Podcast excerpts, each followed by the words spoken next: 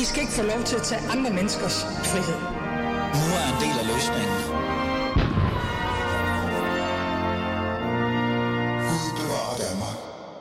Velkommen til. Du lytter til Alis Fæderland, og mit navn er som altid Ali Amin Ali. Kåre Dybvad væk. Er tiden kommet til en mere fokuseret udlændingepolitik? Øhm, jeg ved ikke, hvad mener du sådan mere præcis med fokuseret? Jeg har faktisk tænkt over, da jeg så dit opslag. Ja. Ja. Du bliver nødt til at forklare det lidt tydeligere, for jeg forstår det ikke.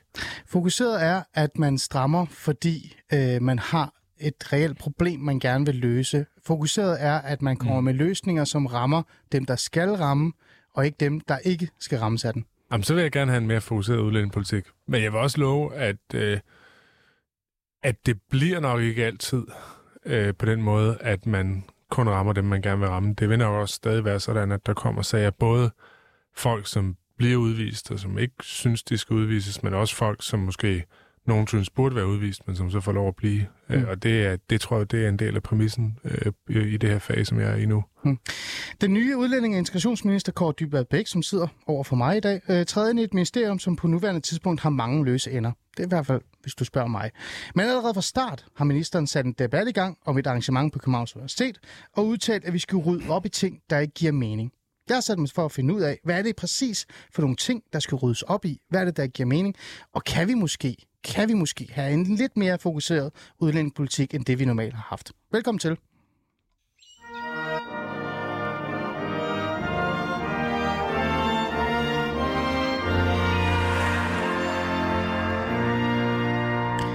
Og før jeg giver ordet lidt til Kåre, så kan jeg jo bare fortælle, at du som altid kan være med i vores samtale. Det gør du, ligesom du også altid gør. Det er at skrive en sms til 92 45 99 45, 92 45 99 45, eller gå ind på Alice Fæderlands Facebook-side, og så skrive en kommentar derinde. Og til jer, der allerede har skrevet ind, øh, tusind tak for det. Jeg vil gøre, hvad jeg kan for at tage jeres sms'er og kommentarer op i programmet. Det vi skal i dag, det er, at vi skal lære vores nye udlænding- og integrationsminister lidt at kende, og så skal vi se, hvad er det for nogle fokuspunkter, han har. Og øh, det tror jeg faktisk er lige til. Og apropos det der med at lære dig kende, Kåre Dybvad, det er jo ikke første gang, du er i Alice Fæderland. Du er jo øh, en af de minister, der stiller op, og også tager kritikken til dig, hvis det er, at der er behov for det. Øh, men der var du jo udlænding, ikke du var udlænding, du var indrigs- og boligminister, eller bolig- og indrigsminister. Var det ikke sådan, det var titlen? Det første, ja. Ja, bolig- og indrigsminister. Moment. Det var jo et område, som du virkelig holdt af. Lad os Ja, lige ja, ja. kort få det på plads, Kåre, fordi at jeg kunne huske, at du stod og holdt øh, ordførertaler omkring bolig, langt før der er nogen, der overhovedet gad at forholde sig til boligpolitik. Mm. Øh, det var noget, du brændte for. Nu er du her. Øh, hvordan har du det egentlig? Nå, men jeg har det godt. Altså, øh, det er rigtigt. Øh, øh, jeg øh, har øh, i mange år arbejdet med, også før jeg blev politiker, både boligpolitik og byplanlægning, men også regionalpolitik og det at sikre et Danmark, der hænger sammen, hvor der er udvikling også øh, i de mindre byer. Og de to områder havde jeg jo, øh, kan man sige, i Indrigs- og Boligministeriet, og, og, og det var en fornøjelse at få lov til at arbejde. Jeg kan huske det sidste arrangement, jeg var ude til, før jeg stoppede, det var i Slagelse for øh, Landdistrikternes Fællesråd, hvor jeg skulle holde oplæg, og, og Slagelse er jo sådan en by, der, hvor, hvor det, altså både i Vestjylland, som sådan er min egen landsdel, men også en by, hvor, hvor man egentlig har skabt ret meget udvikling, også blandt andet med offentlige øh, investeringer og, og nye uddannelser osv. Så, så det var fantastisk at kunne komme derned og holde oplæg, og, og øh, der var selvfølgelig også nogen, der var kritiske, men, men sådan øh, rigtig mange venlige ord og klapsalver osv. Mm. Du, Og der, der er det jo, der, så er det jo en ny... øh, Det var fredag øh, Ja. eftermiddag, jeg var der, og så, øh, og så øh, blev det lørdag, øh, og så øh, søndag, så var det 1. maj, og så blev jeg ringet op og sagt, nu skal du have udlændingeministeriet, og så mødte jeg ind til to og en halv time samråd tirsdag Ja. om Kærshovedgård, øh, og det, det er jo en anden stemning, der er der, kan man sige, og, og hvad hedder det... Øh, men omvendt vil jeg også sige, det... Øh, jeg har, vi gik til valg på en del ting, både på bolig og på øh, decentralisering, og de ting øh, gennemførte vi jo sådan set sidste år næsten alt sammen. Vi havde en ret lang proces omkring det, og ved ikke, fordi jeg skal trætte med, hvordan det er at sidde i regering og så videre, men der er jo en masse koordinering på tværs af ministerierne og så videre. Det at få lanceret sådan nogle udspil og, og, og få dem vedtaget også i Folketinget, det, det, det trækker tænder ud, og det gjorde det også, men når man så er færdig med dem, jamen, så, så, øh, så er det man jo også et sted, hvor man siger, jamen, jeg havde ikke så meget mere egentlig, jeg skulle øh, have gennemført, øh, og øh, så fik jeg ligesom budet på at komme ind på en post, som er øh, jamen, altså en af de absolut mest centrale øh, poster i forhold til at fastholde og styrke en samfundsmodel som den, vi har i Danmark, hvor der er så stor tillid mellem folk. Der betyder det vanvittigt meget, om der er styr på især tilstrømningen fra udlandet. Mm. Du sad og smilte lige før, da du fortalte mig om, hvor du har været henne, og hvad du arbejdede med, og om du er kommet i mål og sådan noget. Og så du begyndt at snakke om udlænding og integrationsspørgsmål. Øh, så forsvandt smilet lidt. Det kunne jeg se på dig allerede Nå, men nu. det er jo det mere blev, alvorligt. Det blev alvorligt. Det ja, seriøst. men det er det da. Øh, så derfor så har jeg jo bare sådan et eller andet sted lyst til også at bare spørge dig øh, øh, indtil videre, hvordan har det egentlig været, din første tid som udlænding og integrationsminister? Hvordan har det været? Nå, men det synes jeg har været spændende, øh, og det er jo nogle enormt dygtige folk, øh, som sidder, både dem, der er i ministeriet, men også de ordfører, som der er fra de andre partier, folk, der øh, synes, jeg tager det meget alvorligt ind i ting osv. Så, så på den måde er det jo, har det været spændende at opleve, og jeg vil sige, for hver dag, synes jeg, man lærer hele tiden lidt mere om, hvordan Øh, altså, det alt det, der er jo sådan en håndfuld forskellige sådan hovedområder, ikke? Altså, mm. øh, ja. statsborgerskab, ophold, ja. integration, asyl osv. Altså, der, og det er klart, at juraen i det skal man jo lige øh, læse sig ind i, øh, og det tager nogle møder og nogle samråd og nogle lovforslagsbehandlinger, før man sådan 100% forstår mm. øh, alle de finesser i det, som jeg gjorde på mit gamle område. Øh, men jeg vil sige, for hver dag bliver jeg, for, altså, bliver jeg mere og mere begejstret for egentlig øh, det arbejdsmiljø, der er her. Ja. Øh, det, det, det synes jeg egentlig, der er noget ærligt og noget hårdt over den tone, mm. der er. Det lød rigtig godt, men det var også et politikersvar, Kåre. Nu prøver nej, lige var, nej, nu prøver jeg faktisk at... Det kan jeg godt mærke, men nu øh, prøver jeg at spørge lidt mere seriøst, altså, øh, eller lidt mere personligt. Øhm, da du gik hjem efter den der første dag på arbejde, ikke? Altså sådan en rigtig første dag, ja. øh, det var jo ikke bare en første dag, det var, øh, der var en masse, som du nævnte, du skulle forholde dig til, ikke? Øh, fire lovforslag, så vi det kan huske, ikke? Ej, det var om torsdagen. Var det torsdag? Ja, det var fjerde arbejdsdag. Okay, ja. fjerde arbejdsdag. Lad os, lad os gå ind til fjerde arbejdsdag. Ja. Da du gik hjem efter fjerde arbejdsdag ja. og satte dig ned i din sofa, sad du der og tænkte, hold da op, det var en anden stemning, det var nogle andre spørgsmål, det var tungere end det, jeg er vant til, eller tænkte du, sjovt, det er da spændende det her, det er jeg klar på. Nå, men jeg tror, at jeg havde begge dele. Altså på den ene side er det jo klart nok, at dem, der er på udlændingområdet, er jo også typisk der, hvor der er mange, der sætter nogle af deres skarpe profiler i partierne. Og det vil sige, den debat, der er, bliver selvfølgelig også skarpere, end den er på andre områder. Men jeg vil også sige, jeg havde kommet igennem de seks lovforslag, øh, som dækkede sådan meget bredt spænd af, hvad der er på var det område. seks lovforslag? Ja, der var seks, og der var endda et af dem, som, var sådan, som havde, tror jeg, 10 delelementer, der, der var meget forskellige ting i. Så, så, det, ja. så det var omfattende, og der vil jeg sige, øh, der havde jeg det egentlig okay. Altså, jeg synes egentlig, at følelsen var, at, at det her, det øh, udover at jeg bliver motiveret af, hvor vigtigt det er at have styr på det område, så synes jeg egentlig også godt, at jeg kunne se mig selv i, i debatten og i den måde, det foregik på. Mm. Nu ved jeg jo, eller jeg tror det, så vidt jeg kan huske det, så er du også fodboldfan. Øh, og nu Nå, ja, prøver jeg lige at trække ja. lidt fodbold ind i det her. Jo. Ikke? Sådan lidt en sjov, ikke? Øhm, man kunne jo være fræk at sige, hvis man kigger på den tidligere udlænding- og integrationsminister, Mathias Tesfaye også, og også hans teknisk set udseende, hans grå hår, så kunne man jo være lidt fræk og trække tilbage til den her historie om Josef Guardiola, som blev træner for FC Barcelona, som gik fra det her lidt amatør øh, miniput-agtig verden til The Big League. Du siger jo selv netop det her med, at det er de gode, det er de dygtige, der sidder ordførende, ikke? Øh, det er øh, spidserne, det er dem, der er skarpest. Man kunne jo være fræk at sige, at nu er du kommet i Champions League, nu er du kommet The Big League, ikke? Tror du, Kåre Dybvad Bæk, med dit, jeg har jo skrevet det, lidt frække Kennedy-agtige udseende og dit smil, kan stå øh, om lidt og være gråhåret og træt og nærmest stå og græde, ligesom Guardiola stod øh, midt på banen, fordi at det her, det er sgu det big league det her. Det er ikke for sjovt længere. Jamen, det er. Jeg har lagt mærke til Mathias blev gråhåret på de tre år, der han var, så det, nu er, jeg, jeg, har, jeg har ikke særlig mange grå hår, så jeg tænker, det kan godt være om tre år. Det nu. Altså, jeg er blevet sådan en sølvrev også. Øh, det er faktisk næsten veldig morsomt. Så er der ikke meget efterspørgsel. Øh, men nej, altså, jeg vil sige, hvis man skal blive i fodboldmetaforerne, ser det jo mere på den måde, at, at man, altså, et, et ministerhold er jo en, er jo en holdopstilling. Hmm. Og, og, min, og min opgave som øh, øh, indrigs- og boligminister var jo at være i offensiven på mange ting og skulle opsøge også vigtige slagsmål omkring nogle af de værdibaserede ting, der var i forhold til, hvordan skal vores by udvikle sig, hvordan skal vores land udvikle sig. Øhm, altså, hvor det, jeg laver nu, er mere som at stå i midterforsvaret. Altså, det, øh, vi kan ikke tåle, at der bliver lavet fejl øh, på den del af banen. Man, man skal være hård øh, i den måde, man går til det på. Man skal have overblik øh, og, kunne, og kunne se øh, øh, sammenhængen med de andre mm. øh, spillere. Ikke? Altså det, og, og der er en forskel i forhold til at, øh, til, at, til at ligge lidt højere op og, og måske hænge lidt som angriber der, ikke? Altså, mm. altså det, det, det, det synes jeg er den sådan...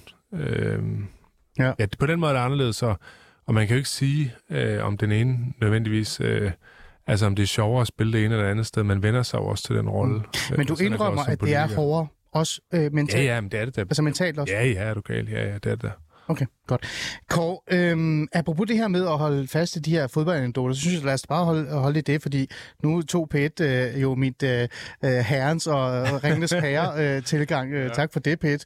Øhm, du er jo blevet minister, du har været minister, du har været det et par dage. Øh, jeg laver mærke til det første, du så gør, sådan øh, i hvert fald minister, udlænding og integrationsministermæssigt, det har kastet ud i, i en debat, og det tænker jeg, det kommer, det regner det også med, der kommer. Men øh, det var en interessant debat, du kastede ud i. Altså, du er jo et minister for et område med mange store sager, der øh, genererer voldsom debat, som jeg siger, modtagscenter i Rwanda, udvisningssager, der har ramt medieoverskrifterne, og jeg kan blive ved, jeg kan blive ved. Øh, der har også været en masse forskellige interne øh, sådan, øh, diskussioner blandt øh, altså jeres støttepartier og så videre og så videre. Så der er jo masser at tage fat i. Men en af de første debatter, du, øh, du tager fat i, det er øh, en debat om offentlige lokaler.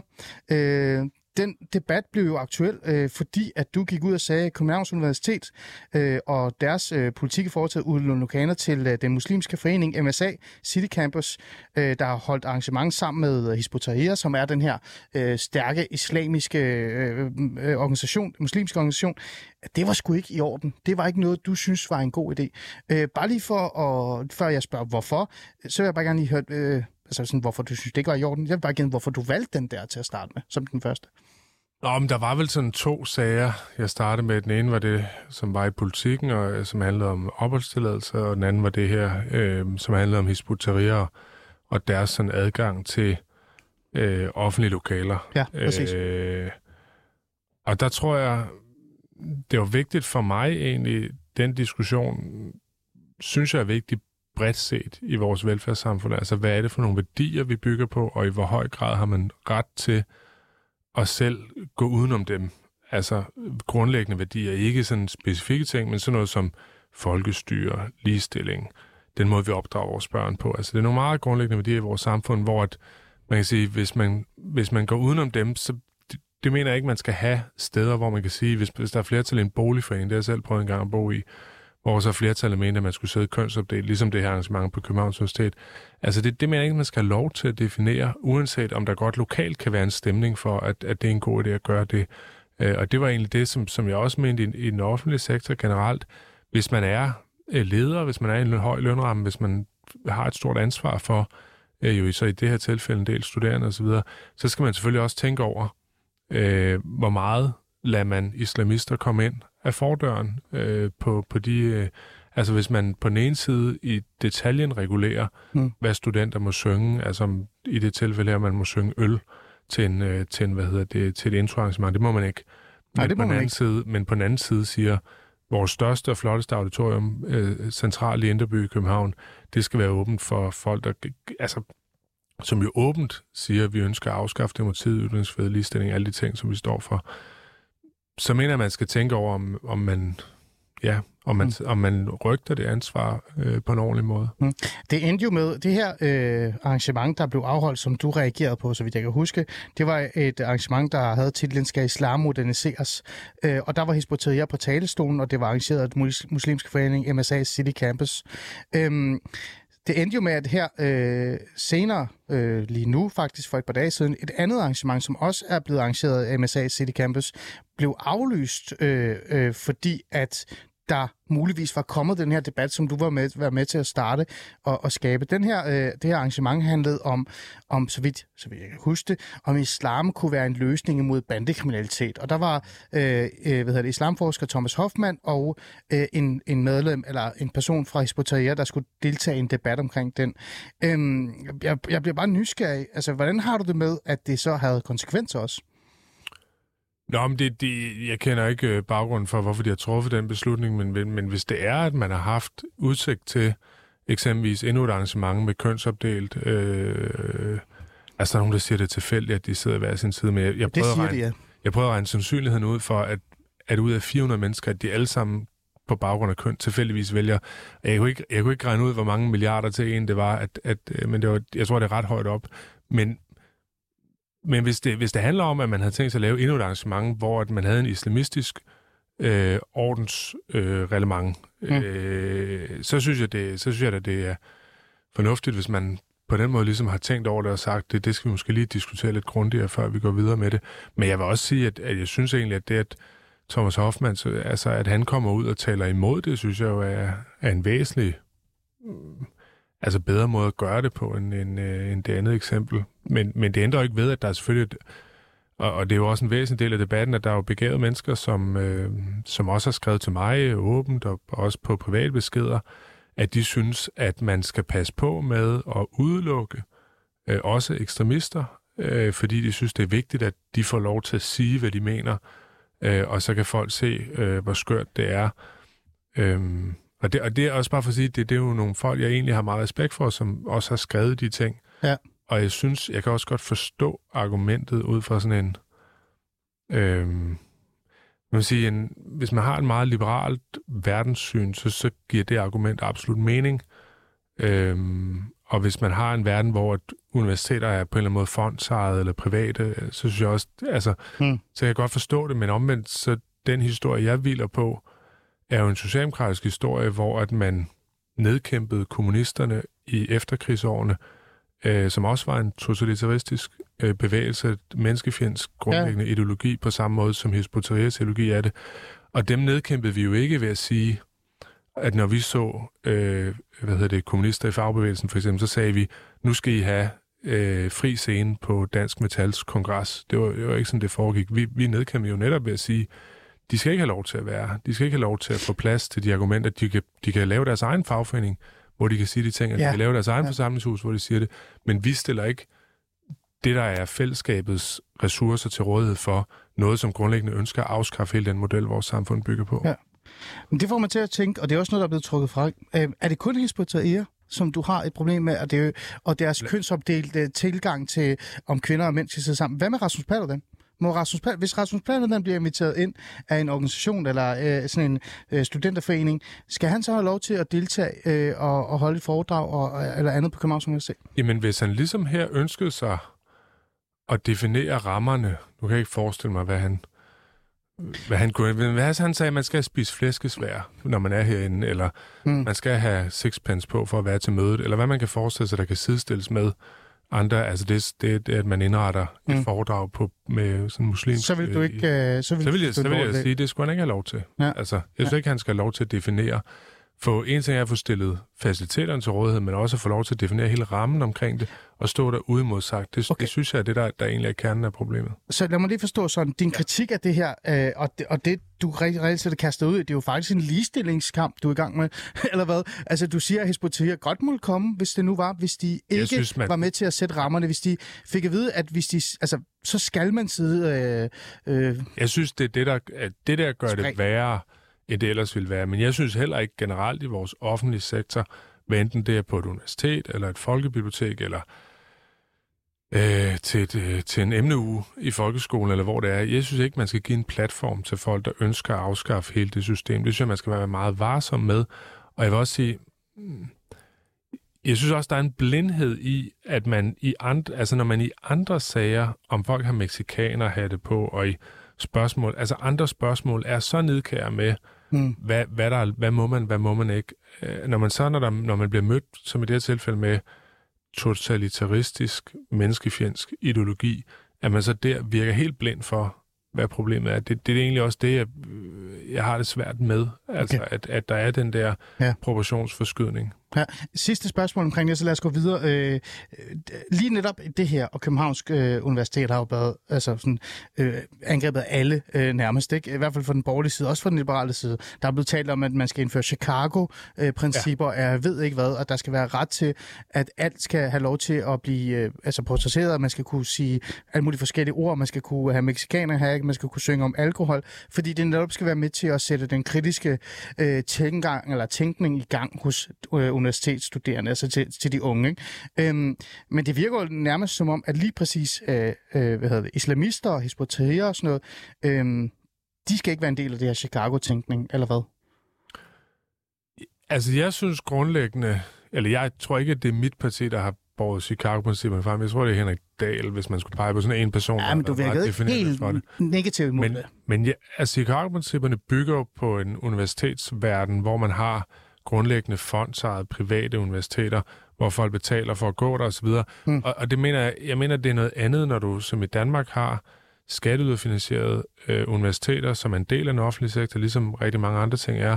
Der synes jeg, vi bliver nødt til også at sige, hvad er det for nogle værdier, der gælder her, og de værdier, der gælder, det er selvfølgelig dem, som gælder for vores samfund som helhed, og der skal være meget stor margin for, hvad man kan sige, men man skal ikke komme ind med ja, sine egne ordensregler og definere det ud fra en ideologi, som hvis den fik lov til at vokse, reelt vil undergrave vores samfund og alt det, som vi bygger på og har gjort i, i 100 år i hvert fald. Okay.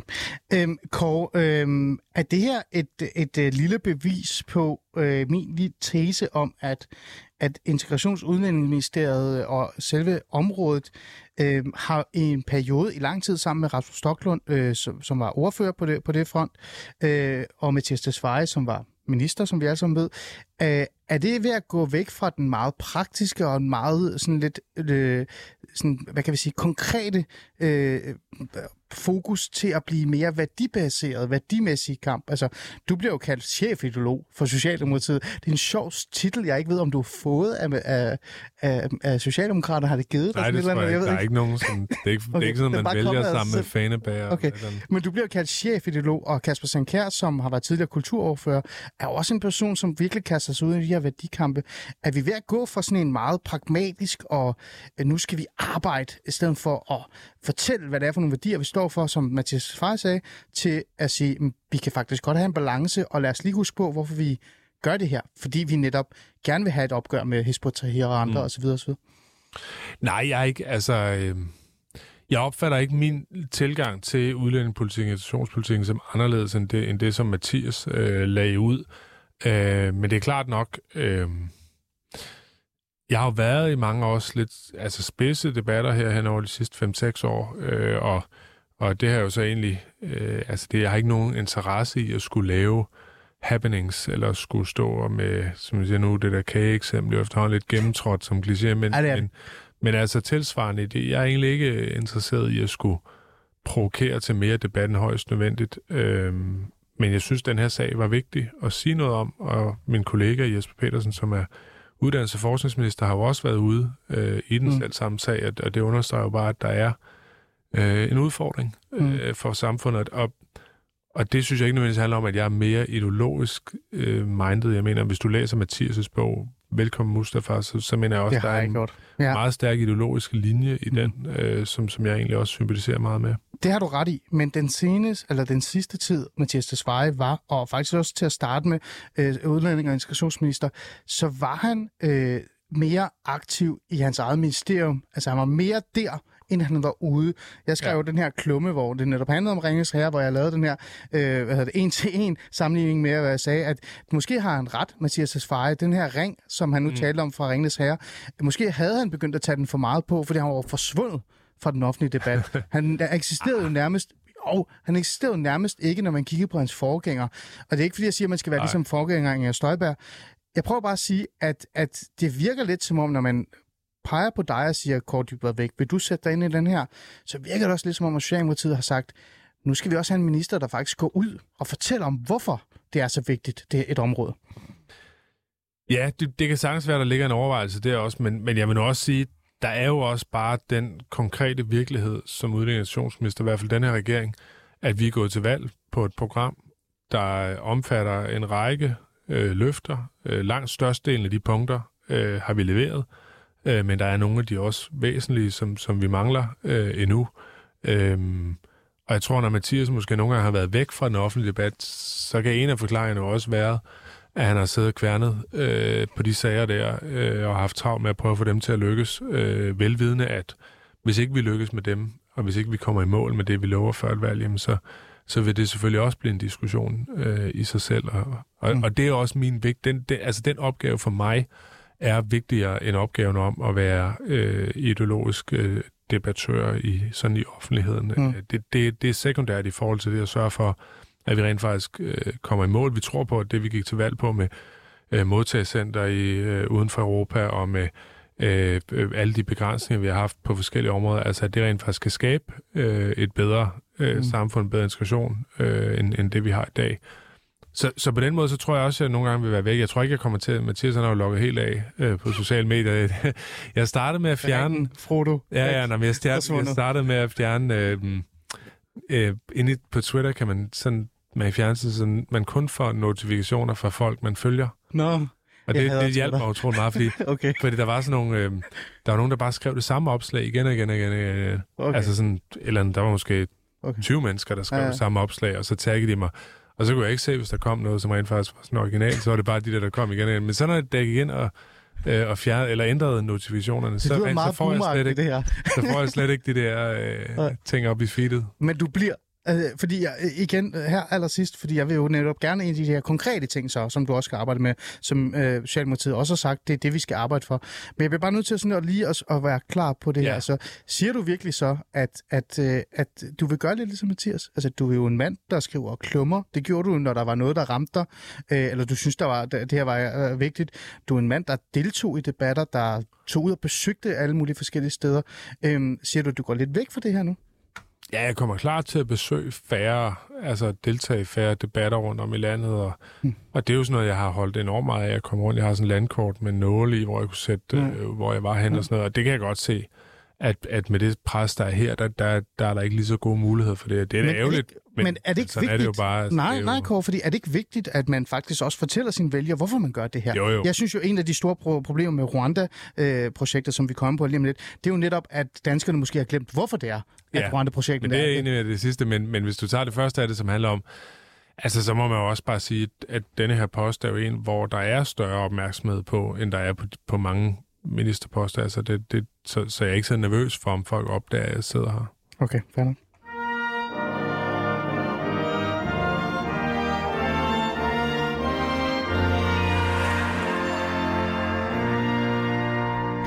Du lytter stadig til Alice Fæderland, og vi er godt i gang med mit uh, en-til-en interview med vores nye udlænding- og integrationsminister, Kåre Dybvad Bæk. Uh, øh, vi vil jo gerne lade ham at kende her i Fæderlandet. Det er jo vigtigt. Vi kender ham jo allerede lidt som bolig- og indrigsminister, men det er han jo ikke længere. Uh, jeg kan i hvert fald fortælle indtil videre, så synes jeg, han har, han har i hvert fald prøvet at fortælle os, hvorfor. Og det virker som om, han også er glad for posten. Han er ikke blevet gråhåret endnu øh, mens han har været den sidste halve time. Men vi må se, om det der grå hår kommer øh, senere eller ej. Det, jeg gerne vil tale øh, med dig om nu, Kåre, og det er også det, som jeg tænker, ja, øh, lytter også må deltage i, hvis jeg har lyst til det, det er, øh, hvad er det så for noget politik, du gerne vil have fokus på? Eller hvad er der allerede fokus på? Hvad er det for nogle konkrete ting, som man arbejder med øh, hos jer, regeringen, Socialdemokratiet, øh, også dig for den sags skyld, men også bare helt generelt. Og øh, hvis du har nogle spørgsmål derude til det, så kan du skrive på 92 45 99 45, eller gå ind på Alice Facebook-side, Alice Fæderland, øh, side hedder den jo faktisk, og skrive der. Øhm, og øh, til jer, som jeg sagde før, der har skrevet allerede ind, Øh, jeg sætter god tid af til jeres spørgsmål, fordi det er netop lige her, I allermest nysgerrige. Øhm, så det skal jeg nok love at gøre. Kort Dybvad, øhm, der er jo meget, ikke? Altså når man tænker på, hvad det er for et ministerium, du er kommet ind i. Det var også det, jeg sagde. Øh, du træder ind i et ministerium, som på nuværende tidspunkt har mange løse ender, kan man jo også sige. Du sagde, at nej, nej, vi er jo kommet i mål med rigtig mange ting. Men, men øh, der er jo stadig nogle ting, øh, som vi på en eller anden måde skal finde ud af. Øh, og, det vil jeg bare gerne lige tage, tage ned på. Men før jeg gør det, øhm, hvad tænker du egentlig, øh, der er vigtigst? Altså, øh, da du trådte ind og satte dig på bordet, og, eller foran bordet, øh, og tænkte, okay, nu har jeg sådan en, en forskellige mapper foran mig med forskellige, det som du sagde, forskellige områder. Ikke? Hvad var det første område, du tog frem og sagde, det her, det, det er ikke bare for regeringen, men det er noget for mig. Det her, det betyder rigtig meget for mig. Hvad var det for en? Nå, men, altså, det, det er klart nok i den her tid, uanset hvor man kigger ind på skrivebordet, så betyder Ukraine jo meget. Øh, og, og, og uanset hvordan man ser på også, hvad mit parti står for, så betyder Rwanda jo også meget. Så de to lande symboliserer ligesom også de to sider øh, af ministeriet, altså på den ene side integration, og det at sørge for at tage ordentligt imod folk, og på den anden side det at sikre, at vi har en stram øh, kontrol med, hvem der kommer til landet, hvordan folk kommer til landet. Men altså, Ukraine er jo øh, nu øh, er det stillet noget af med, hvor mange der kommer, men, men vi var jo oppe på en overgang, der kom 1000 eller andet om dagen. Altså det, det har været noget meget, meget voldsomt pres, øh, og, og heldigvis ser det ud til, både at situationen i Ukraine er bedre nu, så, så, så man kan sige, der er flere, der kan blive boende i virkeligheden der, hvor de allerhelst vil bo, men også at, at, øh, at presset i forhold til, til Danmark konkret øh, er, er mere roligt, mm. øh, og vi dermed jo også har nemmere ved at håndtere dem, som er i landet. Mm. Lad os lige få den på bordet. Du nævnte selv Rwanda. Ja. Hvad sker der, Kåre Dybere? Nå, der sker jo det, som øh, der på, på så vidt, der, der, der kommer ikke nogen nyheder af, at man skifter minister i sådan en forhandlingsforløb. Men, Nå, jeg troede, men, at du lige havde ringet til dem og forklaret det. nej, nej, altså, nej, men der sker jo det, at Mathias, øh, min forgænger, og Flemming Møller Mortensen, som er øh, udviklingsminister, øh, igennem længere tid jo har arbejdet med øh, at sikre øh, ja. fremskridt øh, i den sag. Så har der været, øh, britterne har lavet en aftale her for nylig øh, med Rwanda, øh, også omkring øh, det samme, kan man sige, at lave et modtagscenter øh, mm. uden for Europa, som hvor så folk, der vil have øh, flygtningsstatus i Danmark, de skal øh, søge ind den vej igennem. Mm. Øh, og det er jo det, som vi også gerne vil. Bliver det overhovedet til noget, det her? Jamen, det tror jeg, det gør. Øh, det, men altså, det er klart, det er jo ikke... Der er mange ting i Danmark. Altså, hvis vi går til valg på 5 milliarder mere til øh, sygehusene. Øh, lad os nu bare forudsætte det, ikke? Ja, ja, altså, lad os sige det. Øh, så kan vi jo selv bestemme, om de 5 milliarder kommer ud til sygehusene. Så skal vi selvfølgelig øh, skære nogle andre steder, eller tage dem et andet sted fra, men, men det her er jo ikke helt det samme. Her der kan vi jo godt gå til valg på noget, men vi er jo stadig afhængige af, at der er et land, der vil lave den aftale med os. Øh, og derfor så kan jeg jo heller ikke forudse præcis, hvis nu det handler om de 5 milliarder, så, kunne jeg jo, så ville jeg jo nok have fået at vide, øh, hvis jeg var sundhedsminister, der skulle være 5 milliarder til sygehusene, jamen det er noget, vi har tænkt os at levere i en finanslovsforhandling, eller hvor det var hen. Og her der er det bare mere, øh, der er bare to ubekendte. Øh, både, Hvad er det? Øh, jamen det er jo, eller to ender af rebet, kan man sige. Der er både den ene ende, som er vores, og den anden ende, som er mm. som er det tredje land, som, som, øh, som vi skal lave den aftale hvor, hvor er det, der er i rebet? Øh, hvor, hvilken ende er det, der er aller, aller sværest at trække? Øh, Jamen, jeg, I hvert fald mod mål. Åh, men jeg tror, altså det, det handler om for os, er jo bare grundlæggende at sikre, at vi kan lave en god aftale, hvor vi kan få asylbehandling, modtagelsescenter dernede, men også selvfølgelig, at vi har styr på øh, menneskerettigheder, øh, at, at de folk, mm. der kommer til at bo dernede, de også kommer til at, til at, at være der på nogle vilkår, som vi, som vi kan stå inden for. Øh, okay. så, så, det er jo det, så det er jo det, som der er meget kritik af i aviserne. Det er der. Og det er jo sundt, at øh, vores idéer bliver efterprøvet også øh, og man går til det, og man finder ud af, hvor er, øh, hvor er der nogle risici i forbindelse med den her lovgivning. Øh, og det er selvfølgelig også det, som, øh, som vi har øjnene på. Hmm. Øhm, handler det her ikke mere om øh, en, en, en det, som det burde handle om, som er øh, i virkeligheden hjemmesættelsespolitik og mindre om øh, asylflygtningelejre, fordi jeg, jeg, jeg synes jo, det er fint nok, at man prøver at lave den her, øh, den her ordning, den her løsning. Det, det skal vi også gøre, fordi der kommer øh, flere og flere, der kommer sikkert også en masse flere klimaflygtninge lige om lidt. Mm. Øh, så det er jo fair nok, men det er jo øh, med al respekt nogen vil kalde det nærmest en håbløs løsning. Er det store problem ikke, Kort Dybvad Bæk, at, at øh, systemet er kollapset i Europa. Vi har ikke reelt set en ordentlig øh, flygtning og udlænding sådan, hvad kan vi sige, systemnøgle til, at vi kan, hvordan vi kan hjælpe mm. de rigtige på den bedste måde. Men det største problem er jo også det her med, når vi så endelig får nogen, eller der er nogen, der kommer op til vores grænse og siger, Helle, nu vil jeg blive for evigt, så kan vi jo ikke sende nogen hjem, fordi vi kan jo ikke sende dem hjem. De kan jo bare undgå, altså bare nægte at tage hjem. Så er det store problem ikke, at vi ikke har et hjemmesendelsespolitik. Ej, men sige det første, man kan godt sende folk hjem men der er selvfølgelig forskel på, øh, hvad de enkelte lande tager imod, hvis man ikke får øh, lov til at være i Danmark. Øh, og der er nogle lande, som selvfølgelig er svære at arbejde med øh, end andre. Men, men øh, hvis man ser på for eksempel, hvor mange der er på udrejsecentrene, så er det jo et tal, der falder. Altså som i løbet af et par år er, er faldet fra cirka 1150 og så ned til omkring 700 nu. Øh, så, så vi kan godt få folk til at rejse hjem, og det har været en, en fast del af, af vores politik. Vi har lavet en hjemrejsestyrelse, som har øh, som samlet opgave på tværs af øh, Sandholm og Avnstrup mm. og mm. alle de forskellige øh, Kærsudgård mm. og så videre, øh, og sørge for at koordinere og sikre, at vi hele tiden har fokus på at få folk, der ikke har lovligt ophold i Danmark, til at rejse ud af Danmark. Men så jeg mener, jeg mener, man kan gøre mere, men, men det, er, det er da klart nok, at hvis vi får en situation ligesom i 2015, hvor du har et meget, meget stort antal, øh, der Præcis. kommer over Middelhavet, så mener jeg, så, så har du jo en umenneskelig situation, hvor at man øh, støtter menneskesmuglere med milliarder, øh, som destabiliserer de lande, i Nordafrika, som de kommer fra, som gør, at det ikke nødvendigvis er de flygtninge, som har det største behov, øh, som kommer først, som at der er tusindvis af mennesker, der dør. Altså hele den, hele den situation, der er der, den er jo ikke holdbar. Og alternativet vil jo være at sige, at så er der nogen, der siger, at så må man jo tage dem, der kommer, og det kan vi ikke gøre noget ved, men, men så bevæger vi os jo også længere og længere hen imod, hvad man kunne kalde fri indvandring. Altså at sige, ja. hvis du men, har lyst til at være i Danmark, så er du lov til at være her. Det, det er godt, i hvert fald uholdbart. Det kan jeg godt forstå, og, og det er fint nok. Og jeg, jeg prøver også at sige, at, at lad os sige, at Rwanda er en ting, og det vil jeg gerne arbejde for. Jeg prøver bare at sige, at det største problem ikke, at vi reelt set ikke har muligheden for at sende folk hjem, som ikke øh, har ret til at være i Danmark.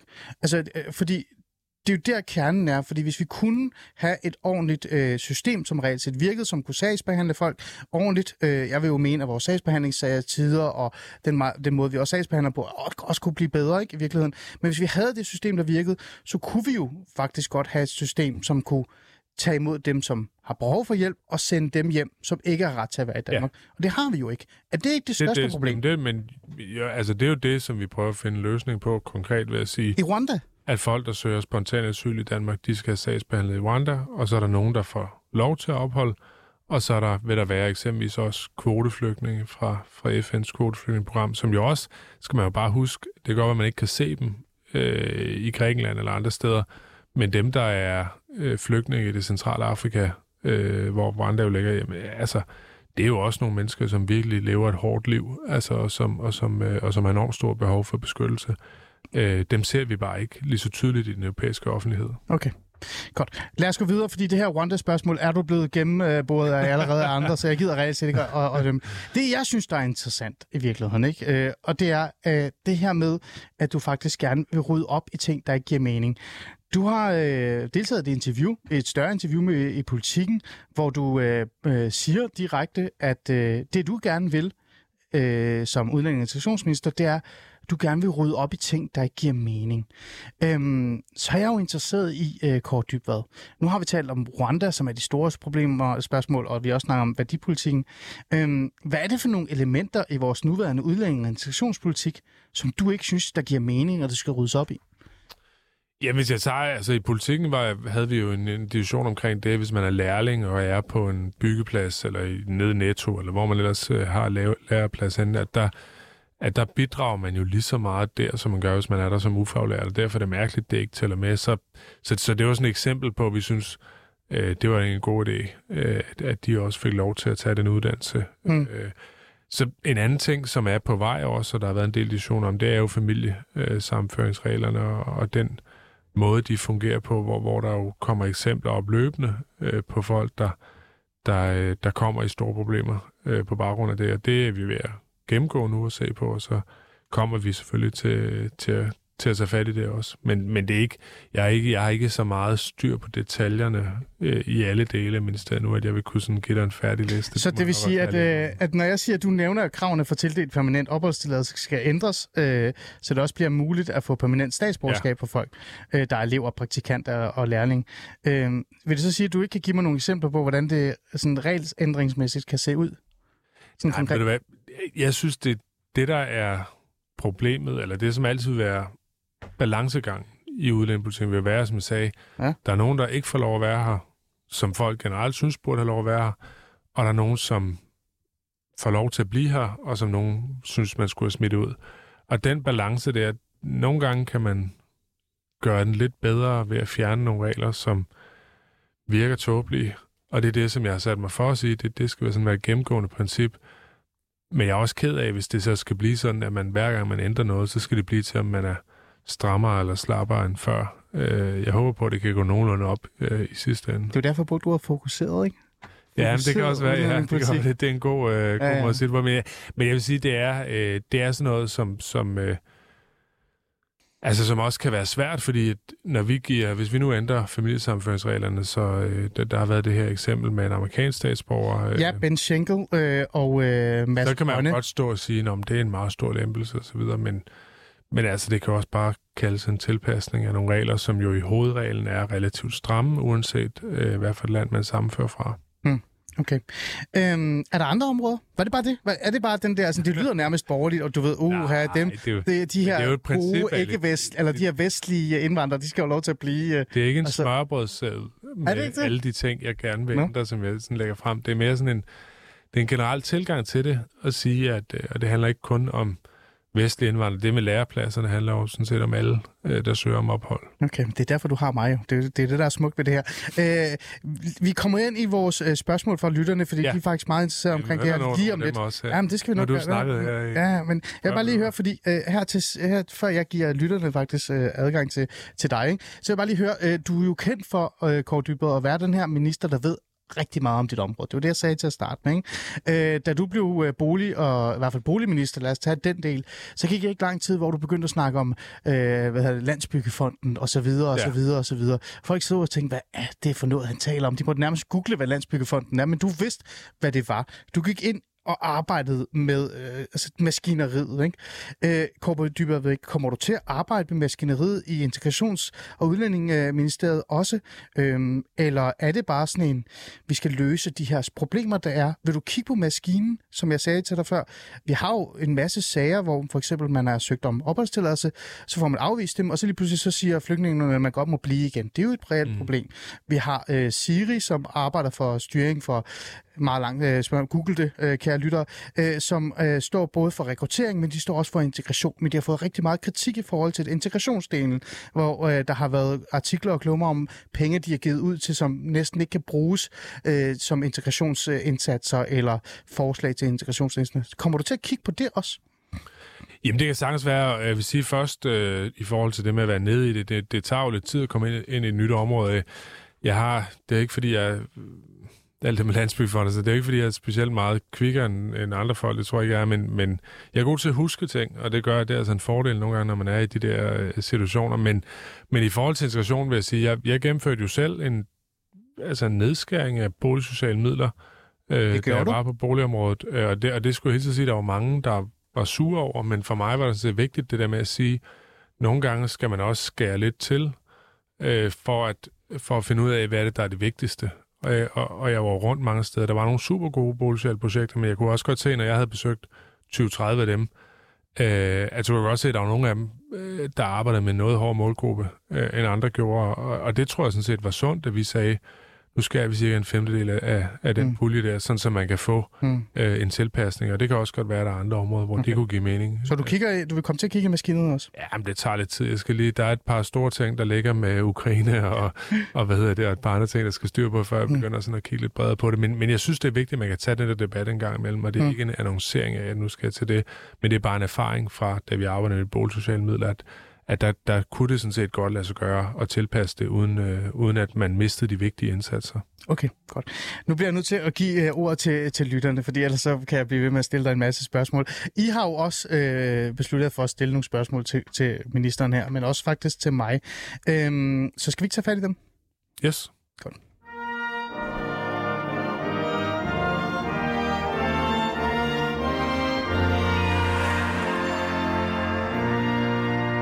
Jamen, jeg kunne lave en to timer special med dig, hvor jeg kunne stille dig en masse kritiske spørgsmål lige om lidt, men det, jeg synes faktisk, vi har været fint igennem. Men noget, som vores lyttere gerne vil høre øh, dig om, det er jo den her øh, lidt øh, sjove, eller den her, øh, det her spørgsmål, jeg altid stillede, det var, om, om vi kunne være lidt mere fokuseret i vores udenrigspolitik. Øhm, og der er jo en masse eksempler på, hvor man mener, der ikke har været så meget fokus. Øhm, vi talte jo faktisk om ham, sjovt nok, så er han en af dem, der har stillet øh, spørgsmålet. Øh, hvad hedder det? Øh, Schenkel, øh, som øh, er en af de her, som er blevet ramt af øh, vores udlændingepolitik. Det var de her to amerikanere. Øh, jeg kan lige nævne ordet, øh, eller deres navne, Ma- Mads Ronne og Benjamin Schenkel, der har været ude i Ræson og skrive en stor artikel om, at dansk udlændingepolitik vil koste os dyrt, hvis vi ikke gør noget ved det. De står til at blive hjemsendt. Nu skal det ikke være enkeltsager, det ved jeg godt, du ikke vil forholde dig til, men alligevel så har Mads jo stillet øh, et, et øh, spørgsmål, og det har øh, Benjamin også. Øh, jeg tænker, lad os bare lige læse den op. Det giver faktisk rigtig god mening øhm kære minister, hvorfor forskelsbehandler vi danske statsborgere i forhold til uddannelse i familiesamføringsreglerne? Skal en dansk ufaglært og en dansk erhvervskvinde ikke have samme rettigheder til at bosætte sig permanent i et land med deres udlandske ægtefæller og muligt danske børn? Hvad tænker du om sådan en sag som dem? Jo, men altså... Nu vil jeg bare sige, når jeg ikke kan kommentere, så er det ikke, det er det ikke fordi, jeg ikke nødvendigvis interesserer mig for det, eller, eller prøver at vi udenom, men det er jo fordi, jeg også at jeg i sidste ende kan blive ansvarlig for de sager. Hvis jeg så sidder og udtaler mig om det, så risikerer jeg, at jeg sådan set ikke kan få lov til at... Og, øh, Men vi har hørt mange om de her øh, Men... ved, øh, statsborgerskaber. Eller, altså for eksempel Mads, han er jo født i Danmark, ikke? Øh, ja. øh, og alligevel så står han i en situation, hvor, hvor, han, hvor han ikke får opholdstilladelse, eller i hvert fald... Øh, Men det er noget af det, vi sidder og kigger på nu, og som jeg også har et forløb med øh, nogle af de andre partier i Folketinget om, hvordan, hvordan kan vi sørge for, øh, at de regler bliver på en måde, så at man ikke oplever den der meget mm. voldsomme mm. Øh, og, altså følelse af at blive diskrimineret alt efter eksempelvis, mm. hvad, hvad uddannelse man har. Mm. Og det er vi ved at gennemgå nu, og jeg, jeg, jeg kan, kan ikke svare sådan i detaljen på men det. Men er det et godt synes, eksempel det er på, er det et godt eksempel ja, på, at vi har strammet for at stramme, for at stramme, for at stramme i lang tid, uden reelt at tænke på, hvilke konsekvenser det også skal have for dem, som vil Danmark og kan Danmark?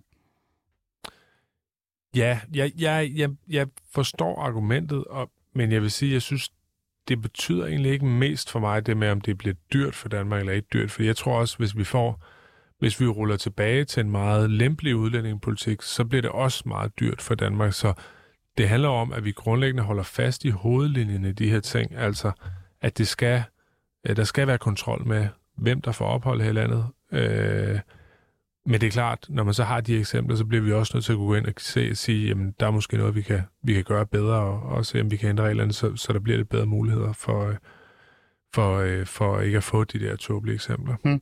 Øhm, der er et spørgsmål her. Kunne Kåre Dybvad tænke sig at nedlægge udrejsecentrene, så alle dem, der sidder, der kan komme ud af verden og bidrage til samfundet, i stedet for at koste den danske stat, der står så 300.000 kroner per år på, øh, på indsats. Jeg ved ikke lige, hvor det er kommet fra. Det lyder faktisk rigtigt, så vidt jeg også kunne Eller den koster det. Øh, ja. Øhm, hvad med den idé for Kert Korsbæk? Kunne du finde på at sige, uh, måske også betyde, at, at de mennesker, der er i udrejsecentrene, de skal faktisk ud og bidrage til samfundet? Uh, nej, det, det er jeg ikke interesseret i, og jeg synes, det hænger sammen på den måde, at når man er, ikke har lov til at opholde sig i Danmark, så skal man jo ud af Danmark. Og der, øh, der er der nogen, der siger, okay, jamen øh, vi tager afsted, Øh, det, det må vi acceptere. Øh, der har, de har måske fået deres sag behandlet i Udlændingsstyrelsen, så har det måske været flygtningenevnet, der har siddet en dommer og truffet en afgørelse der. Øh, og så er der nogen, der siger, jeg vil ikke følge en afgørelse. Og jeg tror, at den menneskelige natur er jo på den måde, at hvis alle dem, der siger, jeg vil ikke følge afgørelsen, hvis de så får at vide, øh, Nå, det er okay, du kommer ud og arbejde i stedet, så vil alle dem, der i dag siger, jeg vil gerne følge afgørelsen, de vil nok også tænke, at hvis bare jeg siger nej til det, så kan jeg få lov at blive. Og så ophører hele systemet jo med at virke.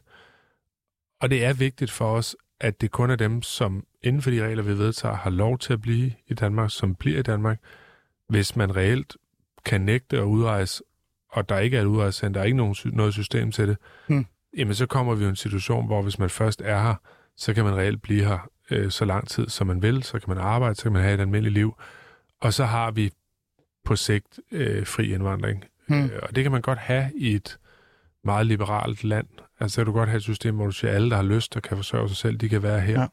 Men hele den model, som vi har bygget vores samfund på, som er øh, nogle stærke øh, institutioner, fælles institutioner, skoler, daginstitutioner, sygehusvæsen osv., det, det tror jeg ikke på, man kan have, hvis alle, der har lyst til at være i Danmark, også får mm. lov til at være her. Ja.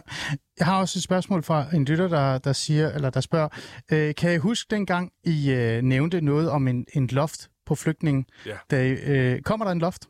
Kort Jamen lige nu har vi så lav øh, asyltilstrømning til Danmark, at, at det ligger under det. Jeg tror, det var Henrik Sass, der første gang nævnte Øh, ja, men han garanterede jo, I gik jo på valg på, at der ville komme sagde, en flygtning. at man skulle lave et loft. Det var første gang, det var lavet stor rammeskriver af det, så sagde de noget med ja. 5.000 i som loft, ikke? Og nu har ja. vi jeg ved det nu kan jeg ikke huske, om det var 700 eller 800 om året. Eller sådan øh, men det er jo ikke svar på spørgsmålet. Det er jo ikke svar på spørgsmålet. Kommer der en loft? Ja, vi ønsker os et loft på øh, asyltilstrømning, men, men det skal jo heller ikke være sådan, så at vi så nu siger loft på 2.500, og så siger vi, så gælder det om at fylde det op op til de 2.500, hvis vi reelt set har færre. Altså, vi er, det, fik, er det begrundelsen for ikke at have fik, loft? Vi fik så mange flygtninge. Ja, det er det også, fordi vi fik så mange flygtninge i øh, 2015-16, øh, at det tog hårdt på, kan man sige, det apparat, vi har til at integrere folk. Skoler, daginstitutioner, boligområder, mm. øh, sprogundervisning, arbejdsmarked osv. Nu er vi ved at have styr på dem, og vi oplever, og det er jo fantastisk dejligt, at vi oplever, at der er flere og flere, som har udenlands baggrund, som kommer i arbejde, som får et godt liv i Danmark. Men alt det sætter vi over styr, hvis vi igen ligesom åbner op, og derfor synes jeg, at det er fint, at vi har nogle år, hvor der kommer meget få til landet. Okay, godt. Øhm, et andet spørgsmål om noget helt andet, øhm, som kommer fra en anonym. Han vil gerne være anonym, ham her, øh, men jeg ved, det er en mand, og jeg ved godt, hvad, hvad hans navn er. Tror øh, han overblikket over miljø, og lad os lige læse 100%. Tror han overblikket over miljø og moskéerne, eller den verden, den, der, der er derinde, har relation eller påvirket øh, de mål, man har med integrationen? Tror han, at miljøer derinde fremmer integrationen, øh, eller hvad tænker han om det?